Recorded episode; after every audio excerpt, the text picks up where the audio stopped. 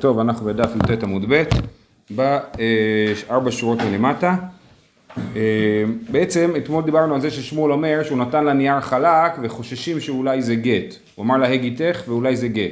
אז באופן כללי זה פותח לנו את השאלה מה קורה כשהבעל נותן לאישה גט, כאילו לפחות הוא נראה כאילו נותן לה גט, אבל לא ברור לנו שבאמת מה שהוא נתן לה זה גט. הוא גם הולך להגיד הרי זה גיתך.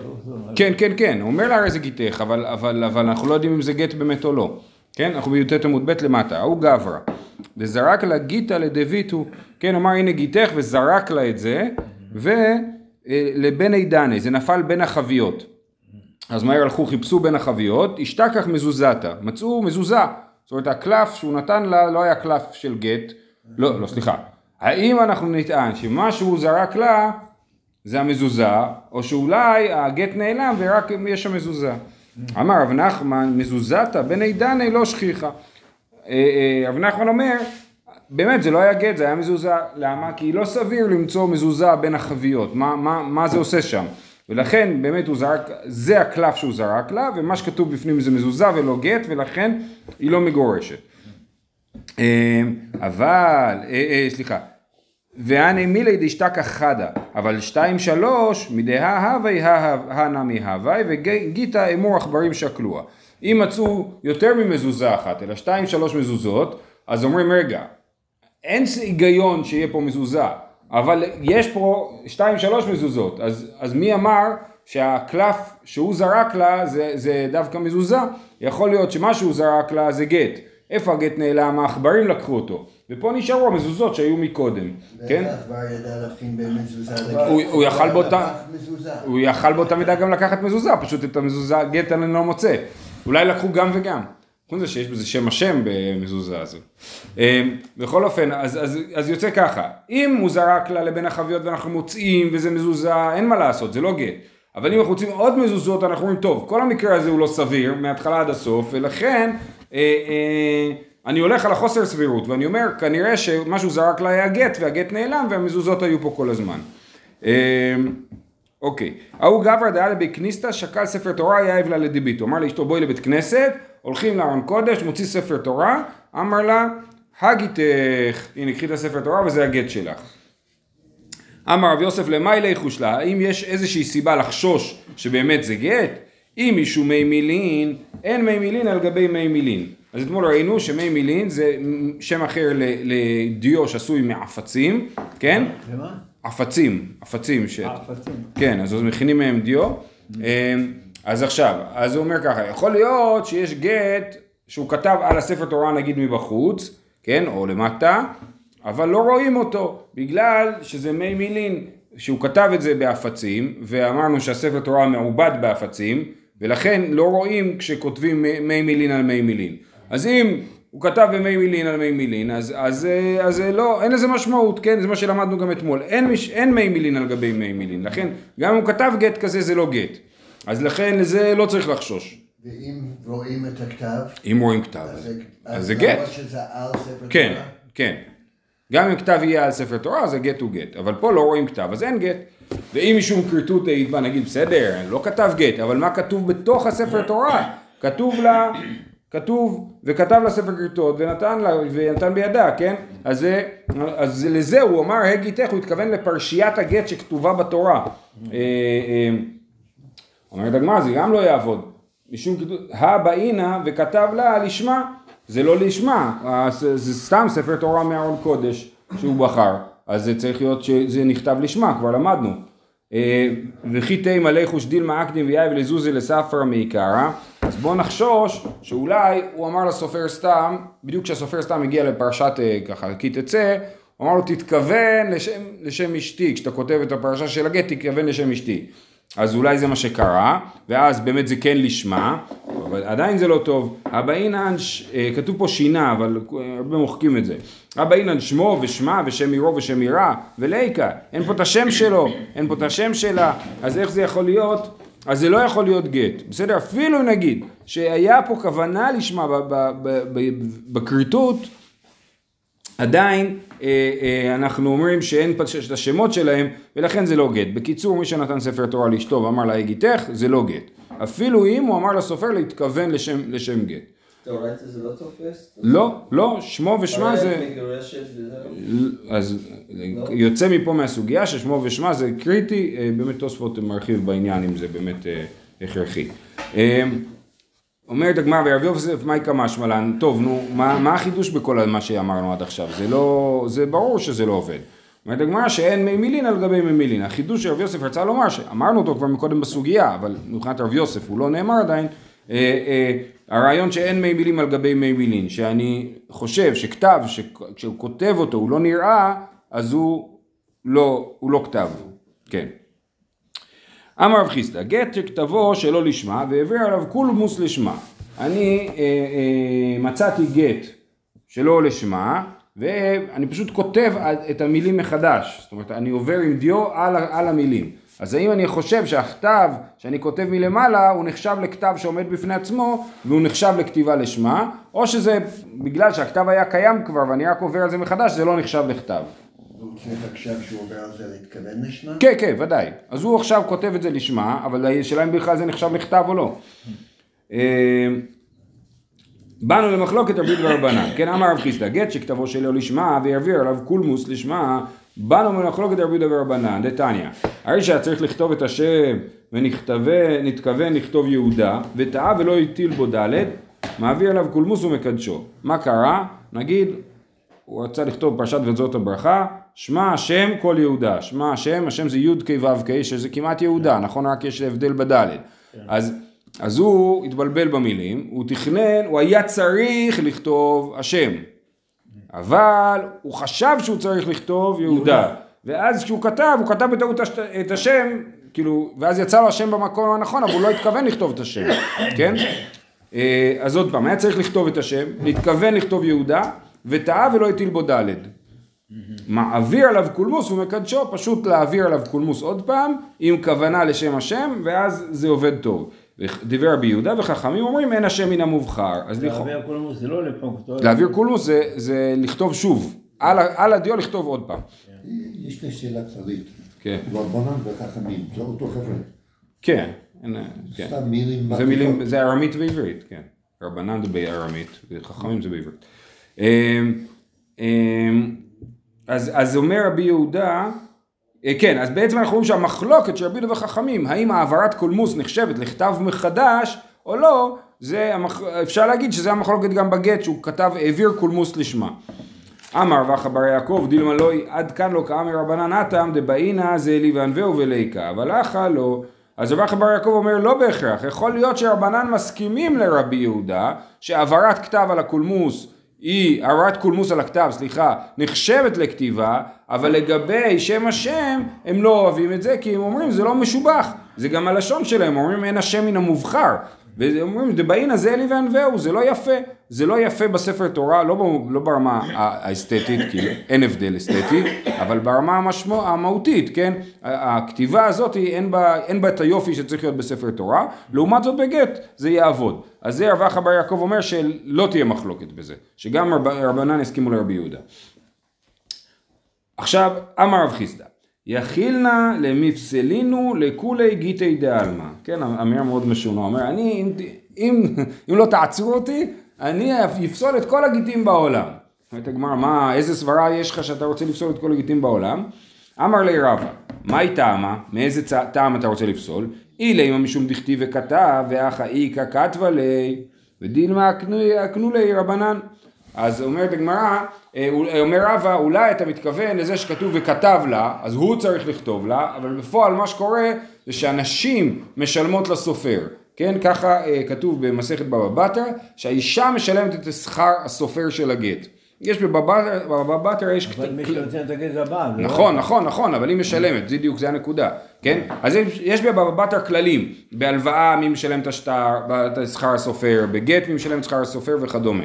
אז כתוב שם שהאישה משלמת את שכר הסופר, אז זה לא וכתב לה, הבעל צריך לכתוב לה, אז כאילו לכאורה הוא צריך לכתוב לה משלו, והיא זאת ששמה את הכסף, אז זה לא נקרא וכתב לה, אז, אז, אז אולי זה פוסל את הגט, אז הוא אומר לו, זה מה שאתה חושב? אומר לו, "אה, מה הייתה מה, אלא משום דכתיב וכתב, והכה איכא כתבה לי, ודילמה, אקנו אקנו לי רבנן. אולי רבנן אה, אה, קבעו שהכסף שהיא נותנת לסופר, מוקנה, מוקנה לבעל, כן? ולכן למרות שהיא נתנה את הכסף זה כאילו הבעל נתן את הכסף. כי ככה הם קבעו, הם יכולים לקבוע דבר כזה, כי יש לנו כלל הפקר בדין הפקר, בדין יכולים להחליט שהכסף עובר מיד ליד בהחלטה בלבד. אז לכן זה לא סיבה לפסול. אלא משום דכתיב ונתן, ואחא לא יאיב למידי. אה, אה, כתוב וכתב אה, ונתן לה, נכון? וכאן הוא לא נותן כלום, כי היא זאת, סליחה, אה, אומר רש"י ונתן, והוא לא נותן כלום שאין בזה שווה פרוטה, הוא לא נותן שום דבר משמעותי. אז לכאורה, היה כתוב בתורה, ו... לא שווה. כן, כתוב וכתב ספר כתוב ונתן בידה, אז לכאורה צריך שיהיה פה נתינה בעלת משמעות, והגיטים שלנו לא שווים את הכסף. לא שווים את הנייר שעליהם הם כתובים, כן? אז זה, אז לכן אתה רוצה לפסול את כל הגיטים. עדיין זה לא נכון. דילמה, נתינת גט היא אולי ונתן, זה לא נתינה של משהו בעל ערך של שווה פרוטה, אלא עצם נתינת הגט, שצריך שהבעל ייתן את הגט לאשתו, ולא שהאישה אה, תיקח את זה מאיפשהו, כן? אולי זה הכוונה. תדע, דשלחו מטעם, כתבו על איסור הנאה כשר, ואומר לו, מה ההוכחה לזה שלא צריך נתינה בעלת ערך? שעובדה שהוא יכול לתת איסור הנאה. הוא לוקח משהו שאסור בהנאה, ונגיד נייר של עבודה זרה, וכותב על זה גט ונותן לאשתו. אז זה אה, אה, כשר, הגט כשר, אסור לו לעשות את זה, כי אסור ליהנות מאיסורי הנאה, ועדיין הגט כשר, מה זה מוכיח? זה מוכיח שהבעל לא צריך לתת לאשתו נתינה בעלת ערך, הוא צריך לעשות אקט של נתינה. כן, זה גם יכול להיות על ידי שליח, אבל צריך להיות אקט של נתינה שהצד של הגבר נותן לצד של האישה אה, גט, אבל זה לא צריך להיות בעל ערך, אז לכן מה שחשבת לפסול את כל הגיטין כי אין להם ערך זה לא נכון, אז בסופו של דבר הוא לא יכול לפסול את כל הגיטים? הוא- ככה יוצא שהוא לא יכול לפסול את כל הגיטין, כן. גופה? לא, זה, כן, זה ביטוי משונה באמת, אבל יש את זה בכמה מקומות, שהוא אומר, אני יכול, כאילו, משהו, לא- זה דרך להגיד משהו לא בסדר ממה שקורה, כאילו. אמ, גופה, שלחו מטעם, כתבו על איסור הנאה כשר, כתבו על איסור הנאה כשר, כן, אז חוזרים לאמירה הזאת. אמר ושי, אף אנא נמי תנינא, יש לי הוכחה שזה נכון, שמותר לכתוב את הגט, לא מותר לכתוב, שאם כתבו על איסור הנאה הגט כשר, הגט עובד, מהמשנה שלנו, מה כתוב על המשנה שלנו? על העלה של זית. כתוב במשנה שלנו שאפשר לכתוב גט על עלה של זית. גט על עלה של זית לא שווה כלום, אז לכן, הנה זה מוכיח שאפשר להשתמש בדבר שלא שווה. אומרת הגמרא, זה לא מוכיח. דילמה שני עלה של זית, דחזי להצטרופי. אולי עלה של זית לא שווה, אבל עוד עלה ועוד עלה ועוד עלה ביחד שווים, אז, אז אמנם העלה של זית לא שווה פרוטה, אבל בעצם יש לו שווי כלשהו, בניגוד לאיסורי הנאה שאין להם שום שווי, כי הם אסורים בהנאה, אסור לעשות איתם שום דבר, אז לכן זה לא מוכיח. מה אכפת לי שמצטרף? מצטרף, הנקודה היא שזה מוכיח שיש לזה ערך. זה כמו משהו ששווה פחות מאגורה, כן? הוא שווה פחות מאגורה, אבל הוא עדיין שווה. עובדה שעשר כאלה כן יהיו שווים. אבל הגט כתוב על אחד? הגט? כתוב על אחד, אבל יש לאחד הזה ערך. הנקודה היא שיש לו ערך. למה? בגלל שמצטרף לעוד תשעה עלים, מה זה קשור? בג... כן, שוב, בניגוד לאיסורי הנאה. אנחנו רוצים, רבשי משווה, הוא אומר, כמו שגט על עלה של זית כשר, ככה גם גט על איסורי הנאה כשר. אז הוא אומר לו, ההשוואה היא לא נכונה, כי איסורי הנאה, כמה שלא תחבר איסורי הנאה ביחד, הם עדיין שווים לאפס. ועלה של זית, תחבר אותם ביחד, הם מתחילים לצבור ערך. אז לכן ההשוואה היא לא, לא דומה. אמנם באמת, מצד עצמו עלה של זית באמת אין לו ערך. אה, בכל אופן, אז אין הוכחה, זה לא אומר שזה לא נכון. כן, רק רבשי יצא להוכיח את דבריהם מהמשנה שלנו, והגמרא דוחה את זה. תניא, רבי אומר, כתבו על איסורי הנאה כשר. אז הנה, זה לא סתם שלחו מטעם, זה דברי רבי. רבי אמר שכתבו על איסורי הנאה כשר. עכשיו שימו לב סיפור מאוד מעניין. נפק לוי דרשה משמי דרבי, ולא כילסוה. רבי יצא לבית מדרש, העביר דרשה ואמר רבי אמר שכתבו על איסור הנאה כשר, ולא קילצוה, זאת אומרת התלמידי חכמים לא, הת, לא התפעלו מהאמירה הזאת ולא קיבלו את זה בעצם. ואז מה הוא עשה? אז זה, הוא חזר לבית מדרש אחרי כמה זמן, משמי דרבים וקילצוה, הוא הוסיף רק מ' סופית, במקום רבי הוא אמר רבים, כן? ואז הוא אמר, אה, רבים אמרו את זה, אז הנה אנחנו מקבלים את הדבר הזה, כן? אז בעצם אה, אה, לוי אמר אה, מילים עדינות לא אמת, כן? לא רבים אמרו את זה, רבי אמר את זה, אבל לוי היה לו ברור שזה נכון, ולכן הוא שינה בשביל שיקבלו את דבריו. הוא צירף עוד אות. כן, בדיוק, רק צירף אות, מה זה? זה כלום, זה לא מצטרף. כן? אז זה, אה, אה, אז כן, יש לנו כלל שכתוב, וגם נפסק להלכה, הרוצה להיחנק יתעלה באילן גבוה, זה הכלל, מה הוא אומר?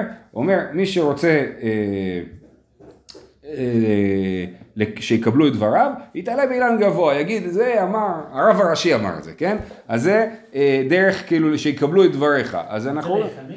ככה, זה הביטוי, כי אתה- אני תעלה באילן גבוה, כן? אז זה, אז זה, אה, אה, אבל אנחנו רואים שפה לוי משתמש בדבר הזה ואומר לא קיבלו את דבריי כשאמרתי את זה באופן המסוים הזה, אז אני אגיד את זה באופן אחר בשביל שיקבלו את דבריי למרות שזה לא אמת, כן? כי, כי למה זה? כי ברור לי שזה נכון, כן? זה לא דמוקרטי, כן? ברור לי שזה נכון ולכן אני אגיד מה שצריך בשביל שיקבלו את דבריי. טוב, הלאה, תנו רבנן, וכתב ולא וחקק. אוקיי, עכשיו הגענו לעניין חדש. עד עכשיו דיברנו על איסורי הנאה, עכשיו מדברים על עצם הכתיבה.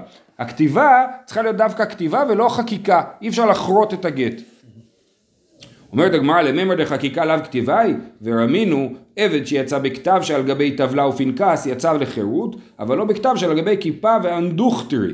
אה, אז, אז טבלה ופנקס כנראה שחורטים עליהם, כן? אה, אז כתוב שעבד שיצא, שקיבל גט שחרור על חרוט על גבי טבלה ופנקס, אז זה כן משחרר אותו, אז סימן שחקיקה היא כן כתיבה. ועל כיפה ואנדוכטר זה לא כתיבה, מה זה כיפה ואנדוכטר? זה, זה כל מיני הריגות, כן? כיפה זה הריגה של צמר, ואנדוכטר זה הריגה של עלי, אה, עלי אה, דקל, כן? אתה יכול לצבוע, לעשות צבעים שונים ולכתוב בעצם בצבעים על צמר, זה בוודאי לא כתיבה, כן? אבל יוצא מכאן שחקיקה היא כן כתיבה, זה לא חקיקה שממלאים אחר כך, זה רק חקיקה. רק חקיקה, כן.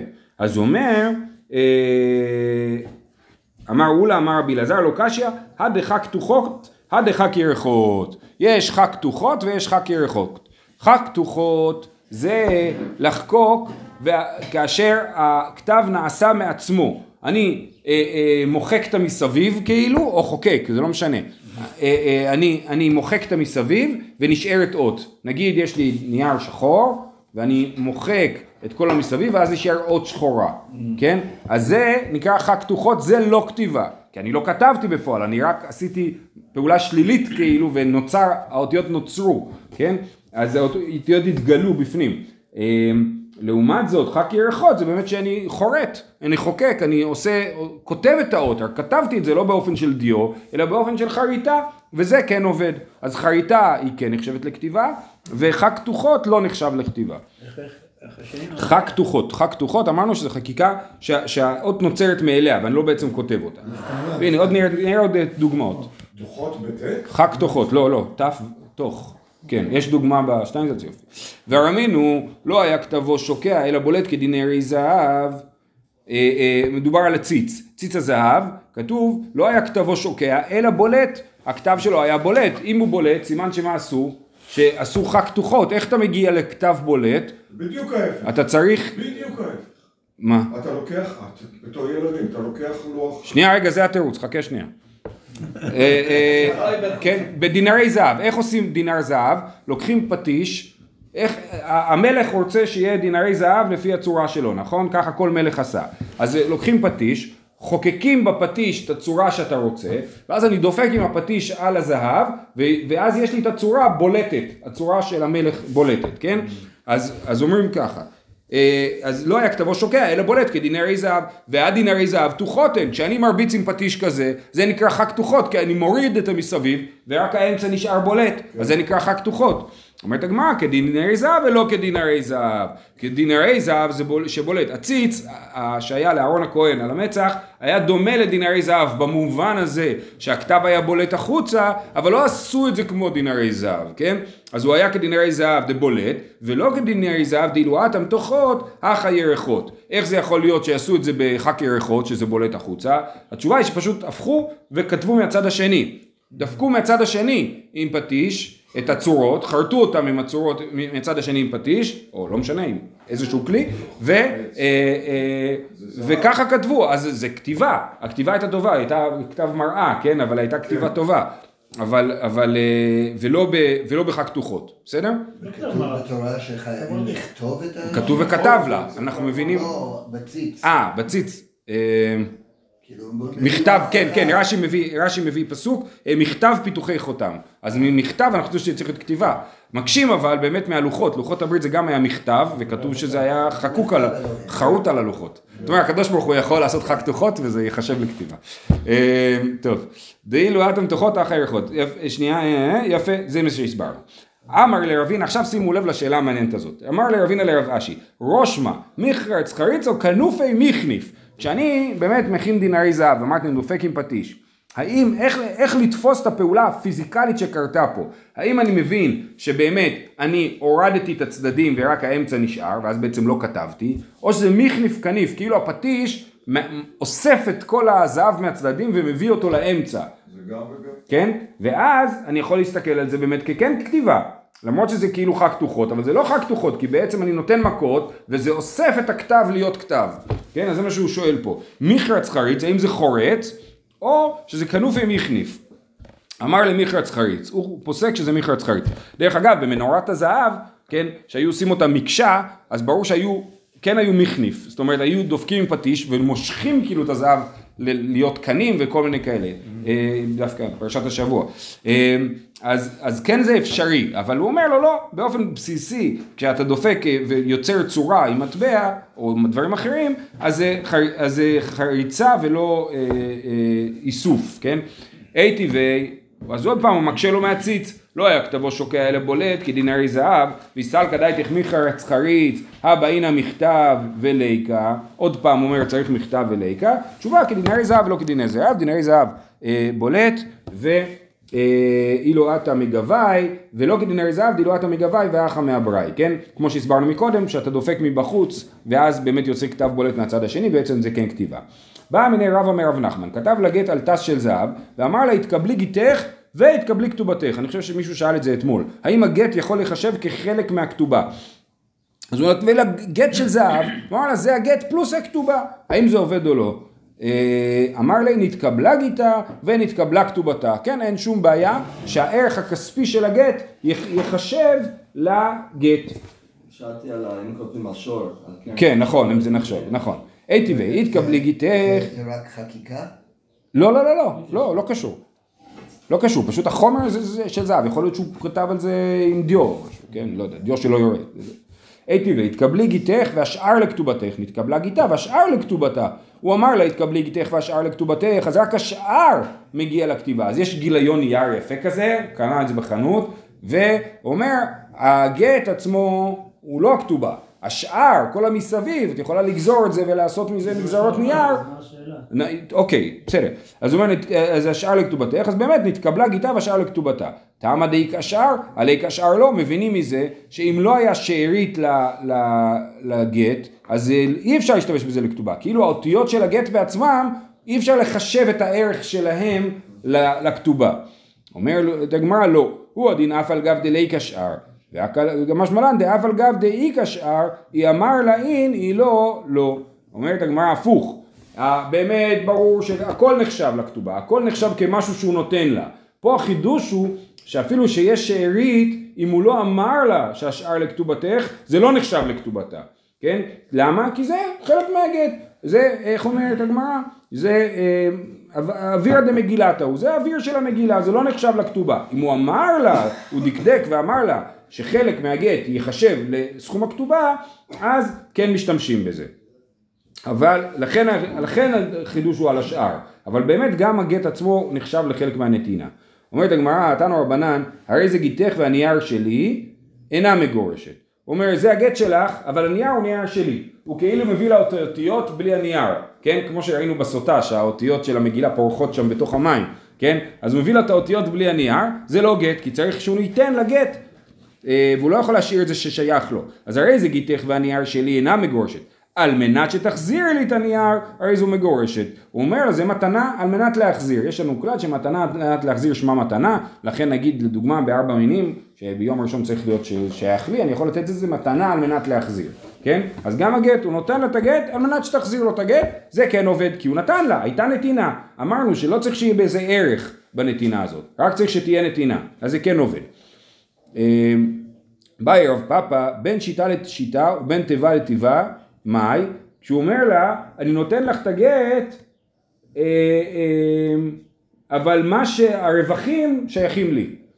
הגט, האותיות שלך, הרווחים שלי. אז כאילו האם זה הפסקה או לא? כן, הנה, זה הגמרא אומרת תיקו. אה, עכשיו זה מעניין שהוא אומר תיקו ואחרי זה, בדרך כלל תיקו זה בסוף דיון, פה זה בתחילת הדיון. אז הוא אומר ותיפוק לידי ספר אחד אמר רחמנה ולא שניים או שלושה ספרים. אה, ברור שזה לא יעבוד, כי אם הרווחים שייכים לבעל, אז הוא בעצם כאילו הביא לה הרבה הרבה שורות, 12 שורות של גט.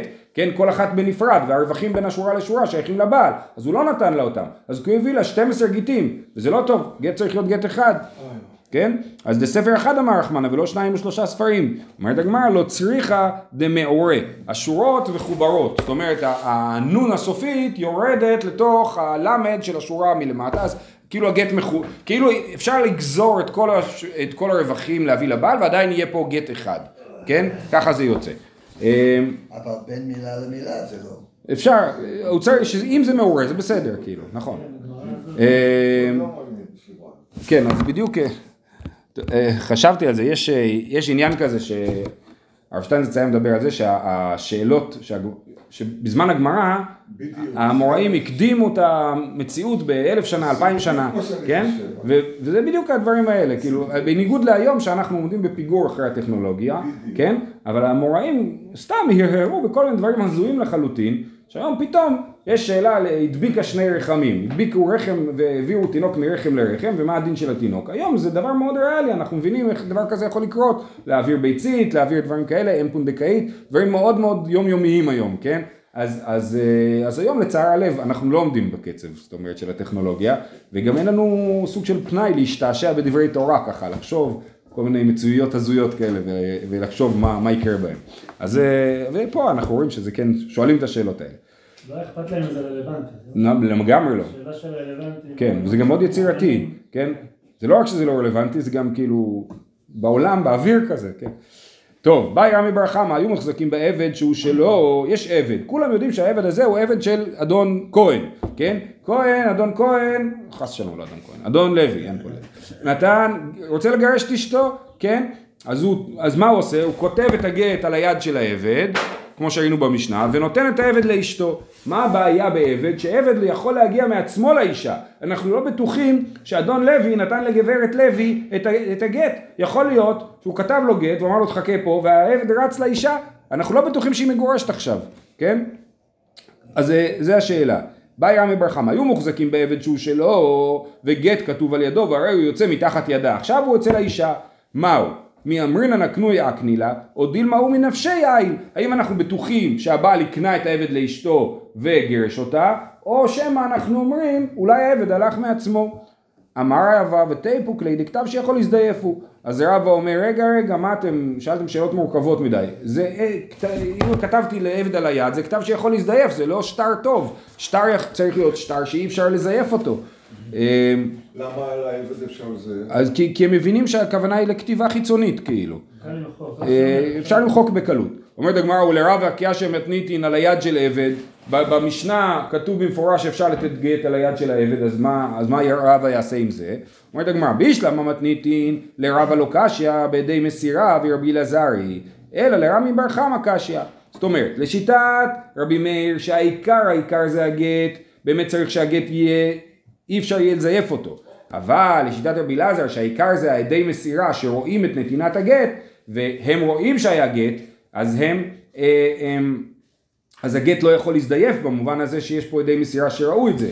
ואז אז אומר ככה את המשנה הרב אומר המשנה שלנו היא כשיטת רבי אלעזר שיש עדי, שעדי מסירה קראתי ולכן לא אכפת לי שהגט יכול להזדייף אבל רמי בר חמא ששואל על מציאות שאין עדי מסירה, כי הרי כל השאלה זה שאנחנו לא בטוחים איך העבד הגיע לאישה, כן? אז זה כן כתב שיכול להזדייף, ואז זה בעיה. לכן הקושייה היא דווקא על רמי בר חמא ולא על המשנה. אומרת הגמרא, לרמי בר חמא נמה לו קשיא, רמי בר חמא נמה לו קשיא? בכתובת קעקע. לא סתם כתב לו על היד, הוא עשה לו כתובת קעקע של גט, לקח סופר, סופר ירא שמיים שעשה כתובת קעקע על. על העבד. כן, כבר אמרנו פה שאיסורי הנאה, שזה עובד, נכון? למרות שאסור ליהנות מאיסורי הנאה, אסור לו לכתוב גט על איסורי הנאה, ובכל זאת הגט הוא גט. אז גם כתובת קעקע, אסור לעשות כתובת קעקע, אבל הגט יכול להיות גט. אז אומרת, אשתדלתית לכלתי, מתניתי נמי לא תקשי בכתובת קעקע. כן, אפשר גם את המשנה להעמיד בכתובת קעקע, ואז חוזרת השאלה למקומה. אחרי שהסברנו איך זה לא כתב שיכול להזדייף, זה כתובת קעקע, אי אפשר לזייף אותה. אז עכשיו אנחנו שואלים, מה הדין, האם אנחנו בטוחים שהעבד הלך בעצמו, אה, האם אנחנו בטוחים שהאדון הביא את העבד לאישה, או שאנחנו חושבים שהעבד הלך לעצמו. תשמע, דאמר יש לקיש, הגודרות אין להם חזקה, כן? אה, יש לנו כלל שגודרות אין להם חזקה. גודרות זה, זה צאן שהן הולכות ביום, חוזרות בערב, כן? אז עכשיו מישהו תופס אחד כזה ואומר זה שלי. אז אנחנו אומרים אין לזה חזקה, זה שזה תחת ידך זה לא מוכיח שזה שלך. למה? כי אנחנו יודעים שזה מסתובב חופשי בשטח וכל אחד יכול לבוא לתפוס את זה. אז אותו דבר עם העבד. העבד אין לו חזקה, סליחה שנייה. אה, יכול להסתובב חופשי. כן, ולכן היא צריכה עדים שהבעל נתן לה את העבד, והיא לא יכולה לטעון, כי העבד באמת יכל להגיע אליה באופן חופשי, ולכן אין הוכחה שהבעל נתן לה את העבד, היא תצטרך עדים על הדבר הזה. זהו, אנחנו נעצור פה. שיהיה לכולם, יום טוב.